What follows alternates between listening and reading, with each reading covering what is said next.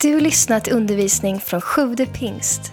Vi hoppas att Guds ord ska tala in i ditt liv och fördjupa din relation med Jesus. Besök gärna vår hemsida, www.sjuvdepingst.se. Nu så ska vi börja det här härliga sommartemat. 12 förvandlade liv. Och precis som Sven sa så vill vi få lyfta och liksom påminna oss och vitalisera vår vision som är förvandlade liv. Eh, att vi tror på det, det är liksom vårt varför bakom allt vi gör i kyrkan. Varför gör vi det här? För att vi vill se förvandlade liv. Och det är ju så att ett förvandlat liv Börja någonstans, sen får vi leva det tillsammans med Jesus och får vi vara med som idag och ta liksom farväl eller tacka Gud för Ola som har levt hela det här livet tillsammans. Men det började med att hans liv blev förvandlat av Jesus. Och sen vill Gud förvandla oss genom hela livet. Jag vet inte om du har tänkt på det också, att i Romarbrevet 12 står det, låt er förvandlas. Att det är någonting som vi alla uppmuntras till. Så det handlar inte bara om ett frälsningsunder, en frälsningsförvandling. Utan Gud vill förvandla våra liv kontinuerligt. Att vi blir mer och mer och mer lika Jesus. Fyllda av hans eh, godhet eh, och ledda av hans ande. Eh, och vi ska tala om en massa olika områden här nu som Gud vill förvandla. Och Jag ska få börja idag och tala om Jesaja. Jesaja. Och eh, det var en man som blev förvandlad av Gud. Och jag har satt en rubrik idag, Jesaja kallad av Gud. Jesaja vet ni, han brukar beskrivas som eh, gamla testamentets främsta profet. Eh, av, liksom, han tjänade Gud som profet i närmare 60 år. Det är ganska häftigt alltså.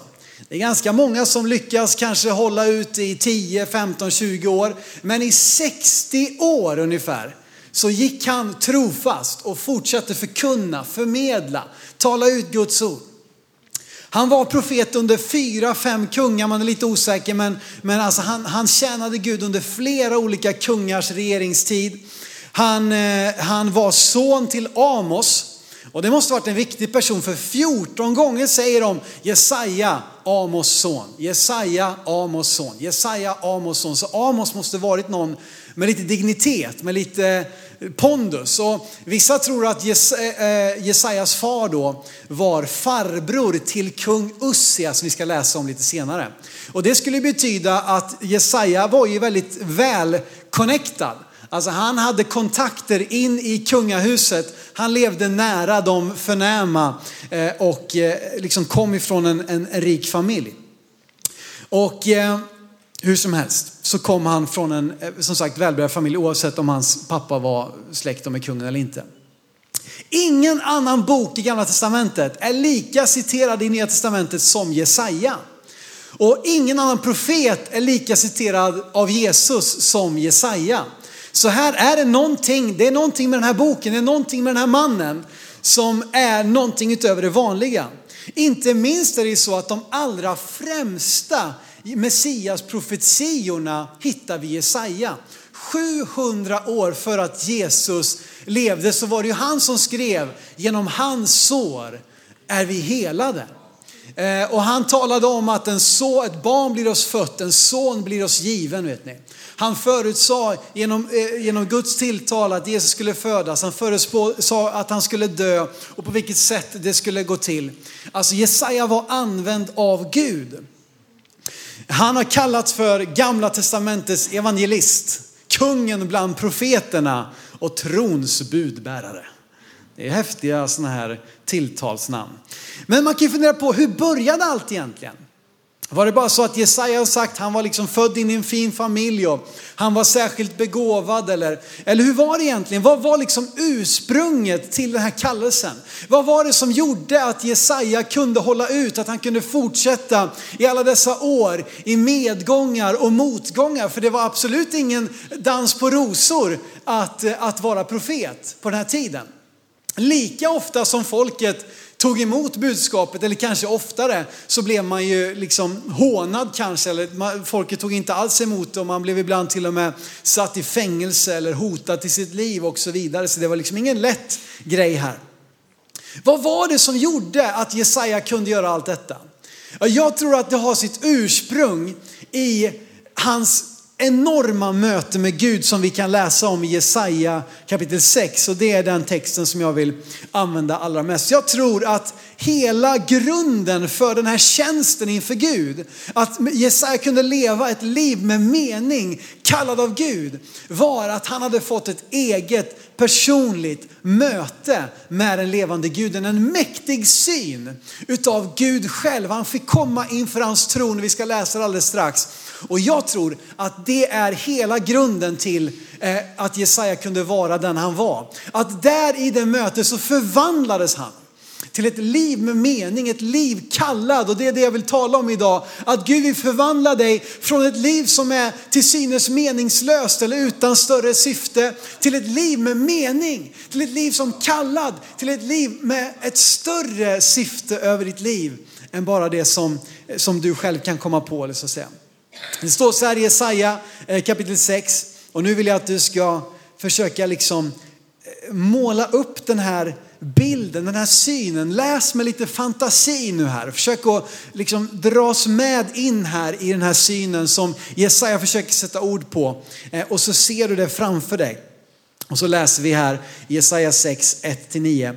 Året då kung Ussia dog såg jag Herren sitta på en hög och upphöjd tron och släpet på hans mantel uppfyllde templet.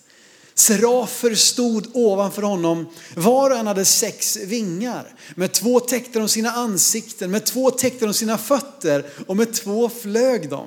Vilka varelser. Och den ene ropade till den andra, helig, helig, helig är Herren Sebaot. Hela jorden är full av hans härlighet. Rösten från den som ropade fick dörrposterna och trösklarna att skaka.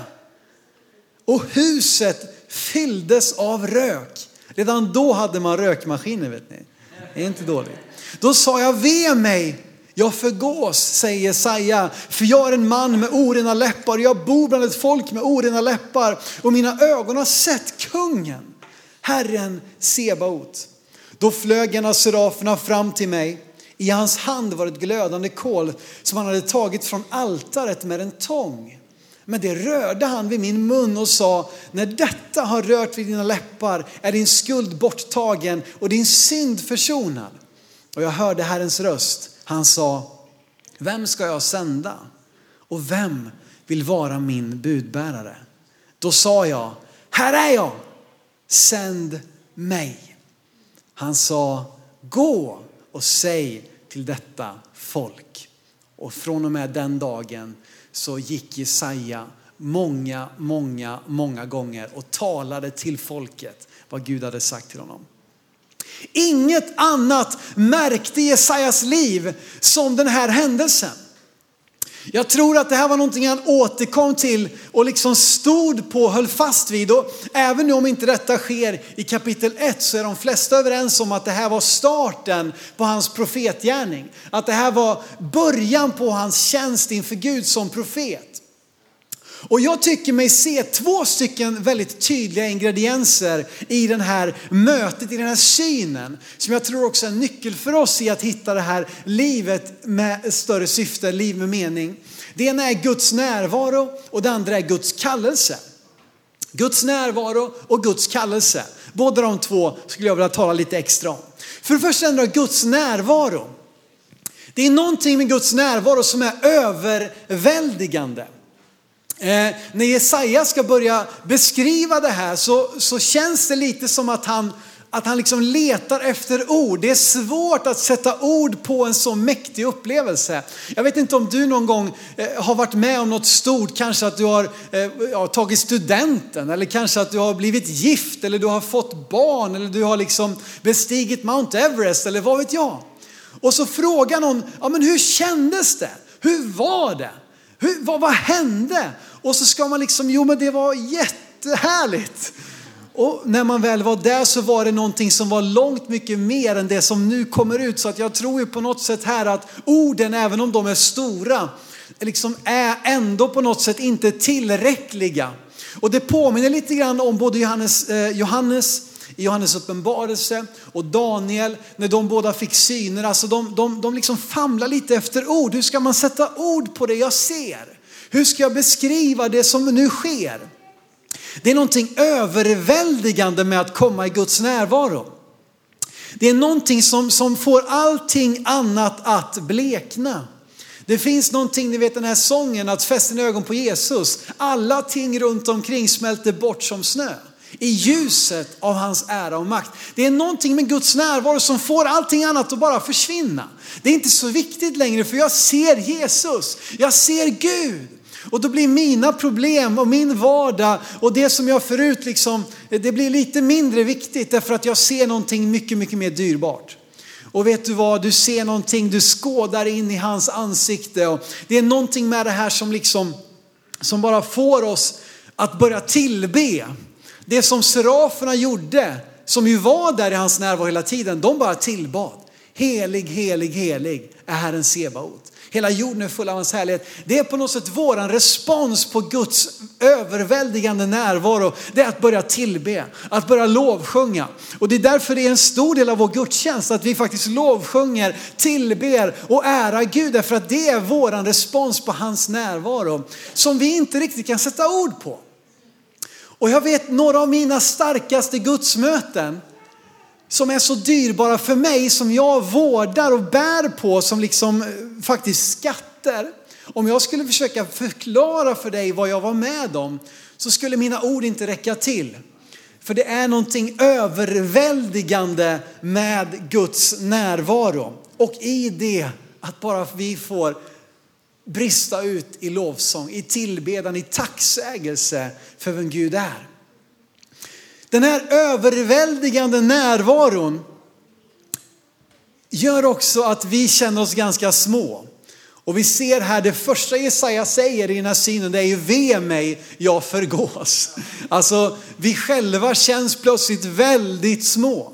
Vi själva känns plötsligt väldigt liksom ja, bristfälliga, att vi saknar så mycket. Men tack och lov så är Guds närvaro inte dömande men renande. Och medan vi blir väldigt varse om vår egen brist i Guds närvaro. Vi inser i ljuset av vem han är så förstår vi hur mycket vi själva kommit till korta. Men tack och lov så är inte den närvaron, den uppenbarelsen av att Gud är mäktig och jag är liten, den dömer inte mig. Han skulle kunna döma dig. Han skulle kunna förtära dig. Bibeln beskriver faktiskt Gud som en förtärande eld. Därför att är så, han är så helig, han är så stor, han är så mäktig. Men han använder inte sin närvaro, sin allmakt, sin härlighet åt att döma. Utan han använder den till att rena. Tack och lov. Ni vet en av seraferna kommer fram till, till Jesaja med ett kol ifrån altaret. Och altaret är en bild på där Jesus gav sitt liv. Han gav sitt liv på offeraltaret. Och så tar han ett kol därifrån, vidrör hans läppar och säger att nu är din skuld sonad, den är borttagen, du är ren, du är förlåten. Och så är det också när vi kommer inför Gud, min, våran önskan här när vi sjunger om vem Gud är och att han är stor, att han är mäktig. Det är inte att du ska känna dig otillräcklig, att du ska känna att det låter fantastiskt men det har ingenting med mig att göra. Utan vi vill vara som den där ängeln som kommer fram och säger till dig, hej, ta emot det som Gud har gett dig till på altaret och låt det få rena dig, låt det få förvandla dig på insidan, låt det tvätta bort, bränna bort allt gammalt skräp, all gammal synd. Vi döms inte i Guds närvaro utan vi renas i det att vi tar emot hans kärlek och hans godhet till oss. När det förs ifrån altaret själv, från Jesus själv, så kommer det till oss och blir vår del att vi får bli renade. Du vet, det är någonting med det här ljuset. När solen lyser, då syns skitiga fönstren, eller hur? Jag vet inte om det är någon annan som är tacksam över att det regnar lite sånt all damm liksom. Det, det, det, lyser fullkomligt när solen tränger in så bara, man ser överallt, det är damm och det är smuts och det är skräp. Och det är så också när vi kommer inför Gud och det lyser på oss. Så syns faktiskt skräpet som inte syntes så mycket när vi levde liksom i vår egen lilla källare någonstans, i vårt egen lilla mörker. Men i ljuset av Guds härlighet så märks det att vi, vi, vi har en del skräp. Men tack och lov så är det inte så att Gud förkastar oss. Nej, han renar oss. Han tar emot oss med sin godhet, med sin kärlek.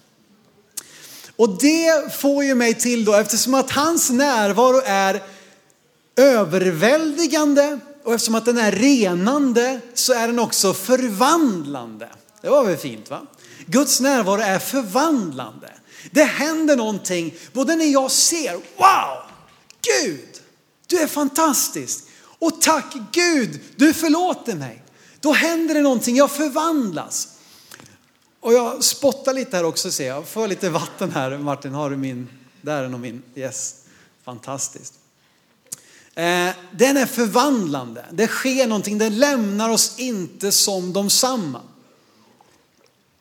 Det är därför vi, vårt största mål är att leda människor fram till ett möte med Gud.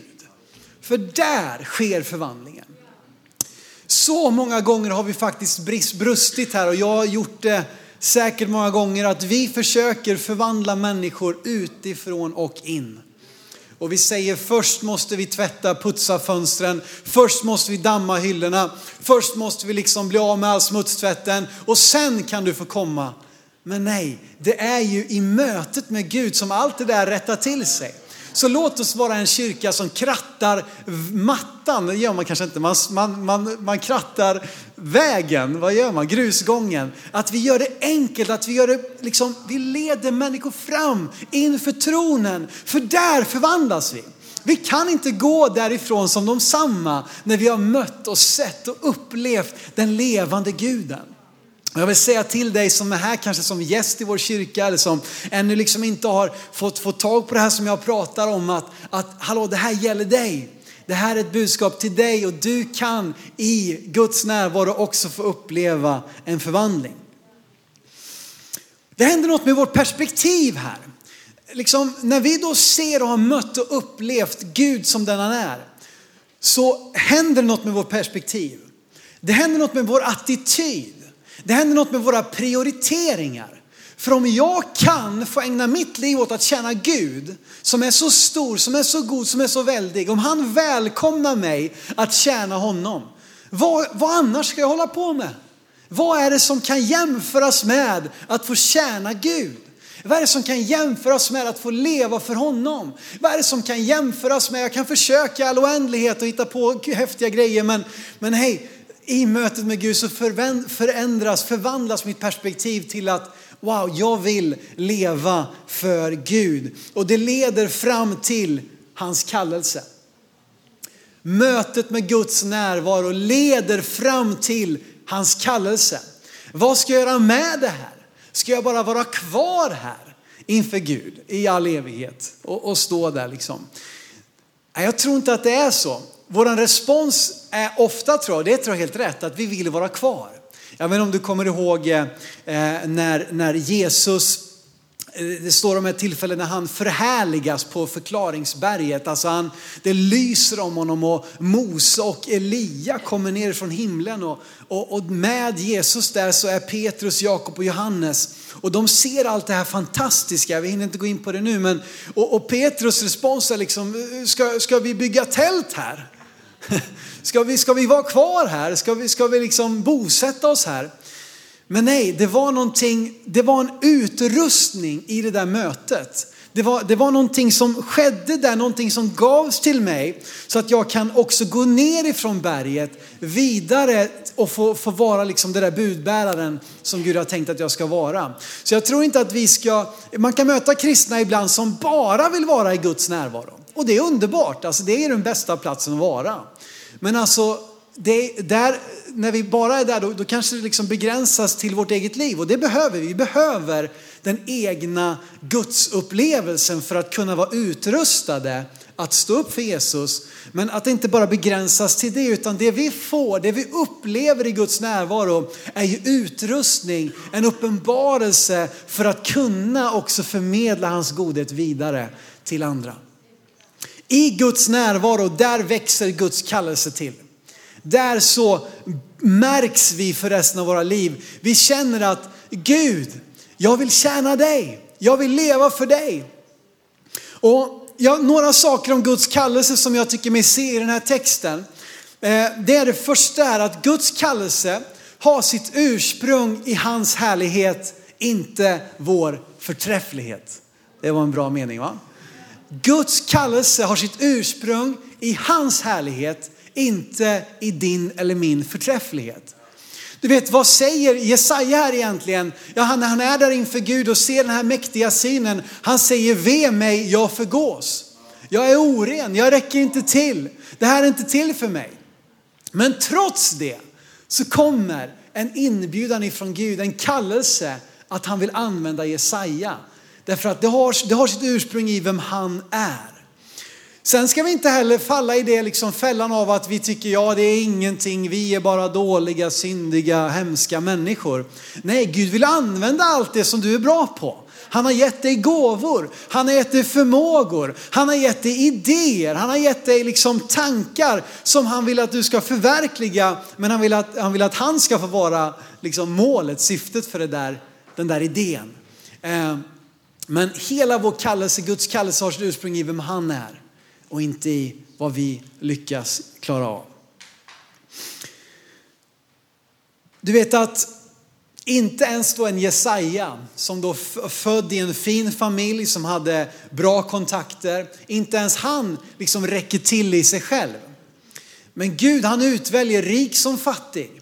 Han utväljer ung som gammal. Han utväljer man som kvinna. Han utväljer vem han vill att utföra det som eh, som, som, som det som är hans liksom, kallelse och det som är hans plan. Han har en plan med varje enskild människa. Men ingen av oss kan liksom slå oss för bröstet och säga att jag är här för min egen skull. Jag är här för att jag har lyckats eller för att jag är så bra på att sjunga eller predika eller koka kaffe eller vad det nu är för någonting. Jag har ursprung i vem han är.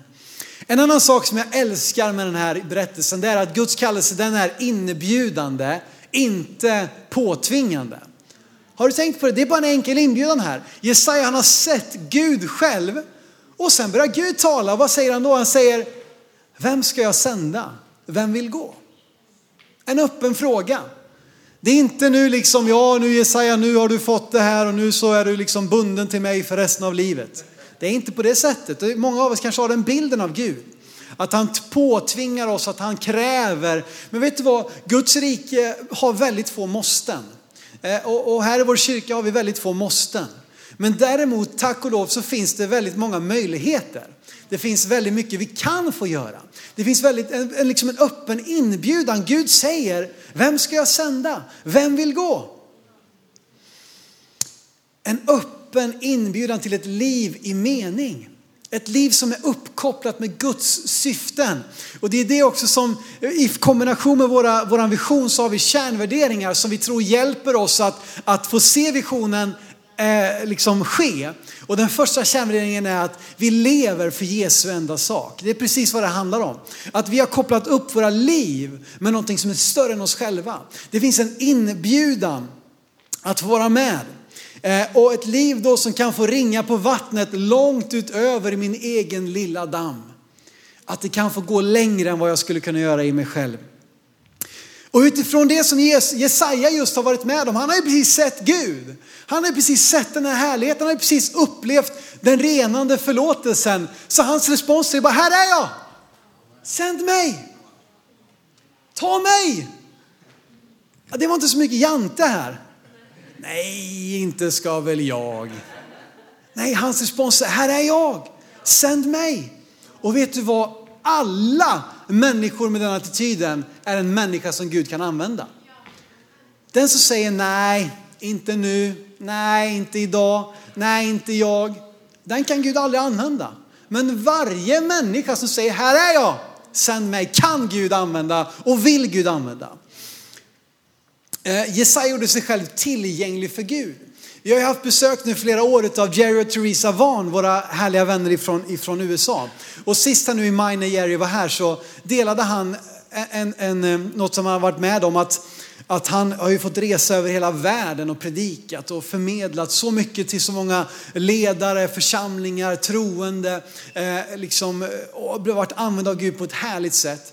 Och så sa han där någon gång när han var, han skulle ha något eh, pastorsseminarium någonstans i, i, i världen. Och satt där på sitt rum och så frågade han Gud, Gud, varför använder du mig? Varför får jag vara med om det här? Och Gud bara svarade så enkelt och så briljant att du är ju här.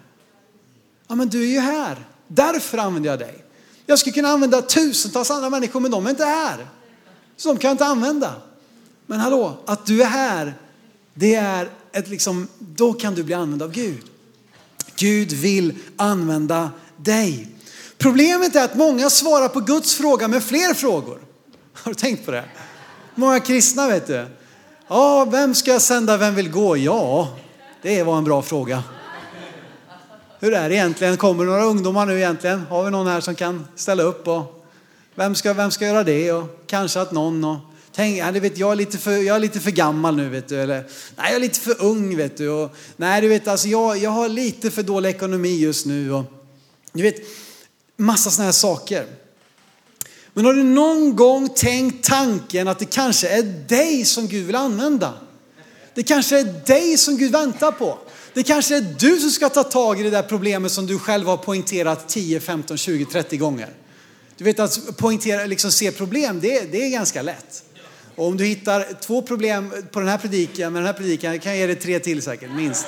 Vet, det är inget svårt. Men att göra någonting åt problemet, att vara en del av lösningen, det är desto svårare.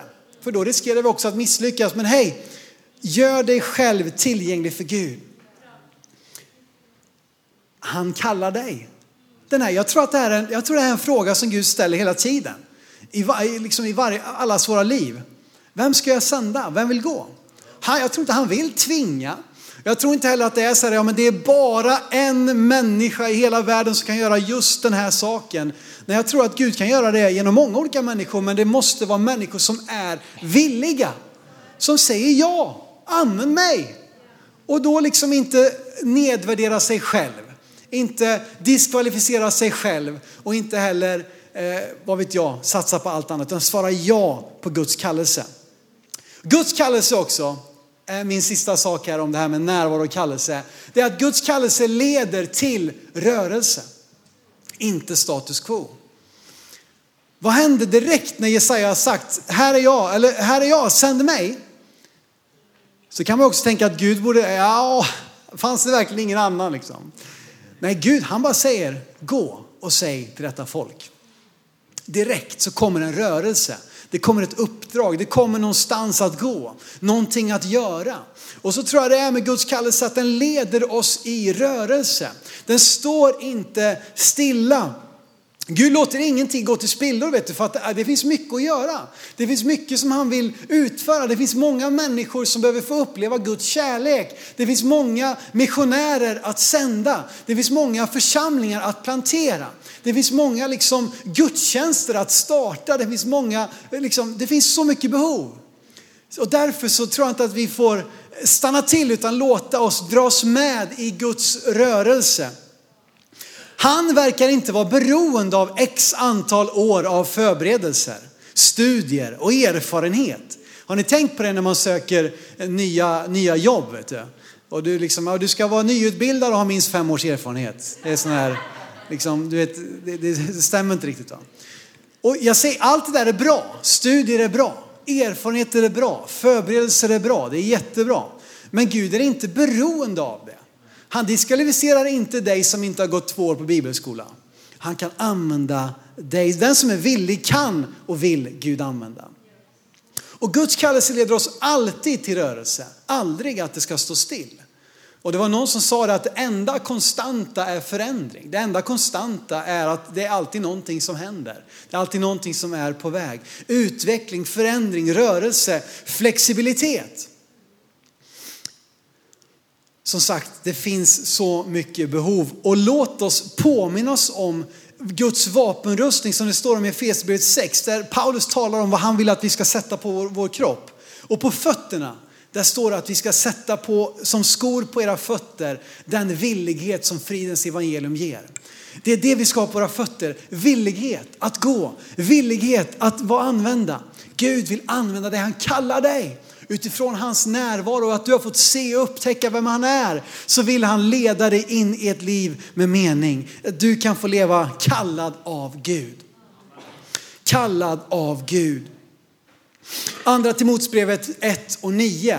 Det visar också det här så tydligt liksom med att, att det är inte så att ja, det är bara vissa som Gud har, har kallat. Vissa har han frälst eh, och, och, och sen vissa har han både frälst och kallat. Nej, det gäller alla. Och jag ska visa det för dig med den här bibelversen i andra Timoteusbrevet 1 och 9. Det här är så viktigt. Och det här på något sätt sammanfattar hela min predikan kan man säga i en enda bibelvers. Så om du inte fick med dig någonting så få med dig det här. Stryk under det, ringa in det, skriv upp det, gör vad du vill. Tatuera in det, det är populärt nu för tiden. Eh, och då kan det väl vara bra med bibelord och inte massa annat trams. Det står så här. Han har frälst oss och kallat oss med en helig kallelse. Inte på grund av våra gärningar utan genom sitt beslut och sin nåd som han har gett oss i Kristus Jesus från evighet. I samma stund som vi blir frälsta blir vi också kallade. Därför att det hör ihop. Att bli frälst är ju att komma in i Guds liv, i det nya livet. Och det är ett liv som är fullt av mening. Det är ett liv som är fullt av kallelse. Och jag känner faktiskt igen mig lite grann i den här berättelsen. Eh, att det här är också berättelsen om mitt liv. Precis som Jesaja så har jag ingen häftig liksom frälsningsupplevelse. Att jag levde 14 år i missbruk och, och allt sånt här. Och det, ibland så där, när man är uppvuxen i en kristen familj så där, då kan man ibland se ner lite grann på det där. Att, varför har inte jag något liksom, eh, du vet, det är lite barnsligt va, att tänka sådär. Utan kom från ganska trygga förhållanden. Men sen då, och, och liksom få göra den där egna personliga gudsupplevelsen som har lett in i en kallelse. Och de här gudsupplevelserna som är lika den som han gjorde här i Jesaja 6, det är ingenting sånt som händer varje vecka kanske. Eh, utan det här det står ju bara en gång i 66 kapitel beskrivs den här typen av gudsupplevelse under 60 års tjänst. Eh, men att få stå på det där mötet med Gud och det är därför det är så viktigt att, att så fort som möjligt få göra den där egna gudsupplevelsen. Eh, och få stå på det, påminna sig om det. Och och jag är så tacksam för det. Och flera gånger under min, mina, mina tonår så fick jag göra starka gudsupplevelser som som sagt om jag skulle förklara dem för er nu då skulle det låta lite halv, halvlamt. Men tro mig, det var, det var häftigt, det var mäktigt, det var viktigt. Och där i så bara fick jag en sån bergfast tro på att Gud vill använda mig. Gud har en plan för mitt liv. Och det har jag hållit fast vid ända sedan dess. Det här är inte liksom som sagt någonting som jag upplever varje vecka. Men de där gudsupplevelserna håller än idag och jag påminner mig om dem än idag. De får vara precis som vi vet att, att David hade sin, sin herdestav. Han säger ju i psalm 23 att min, min käpp och min stav, eller din käpp och din stav, vilket nu är, trösta mig. Och hur kan en stav trösta mig? Och men jag har fått berättat för mig att på den här staven så gjorde de märken eller ristade in små tecken för varje gång som Gud hade varit med. För varje gång som, han hade besegrat ett lejon, för varje gång som han hade räddat liksom ett, ett, ett litet lamm eller varje gång som Gud hade lett honom hem efter att ha varit vilse eller vad det är så gjorde han små märken på den här staven. Och då kunde han komma tillbaka till det, hålla den där staven och se att wow, Gud har varit med. Och så tror jag vi ska värdera Guds upplevelse, Guds möten. Att, att bevara dem i våra hjärtan och låta dem få vara någonting som vi håller fast vid, som ger oss också näring och kraft idag. Och att inte då heller tröttna för att vi ska inte vara beroende heller av den här typen av upplevelser. Vi ska vara beroende av Gud. Och när vi är beroende av Gud då kommer ibland den här typen av upplevelser. Men om vi är beroende och tänker att nu har jag inte gjort en sån här upplevelse på ett år eller på fem år eller på tre veckor. Så nu är väl inte Gud lika verklig. Nej men du vet den där gudsupplevelsen, den är någonting att hålla fast vid än idag, att bygga vidare på och, och låta det få vara bränsle och ge näring i ett liv i kallelse, ett liv med syften. Ni kan gärna komma fram med låtsasteamet, där ska vi läsa ett sista bibelord. Vad hände här nu då? Var var förvandlingen? Ja, det var inför tronen. När Jesaja kom inför tronen, han såg den. Där i skedde förvandlingen. Och så är det också med dig och mig, att vi kan få komma inför tronen.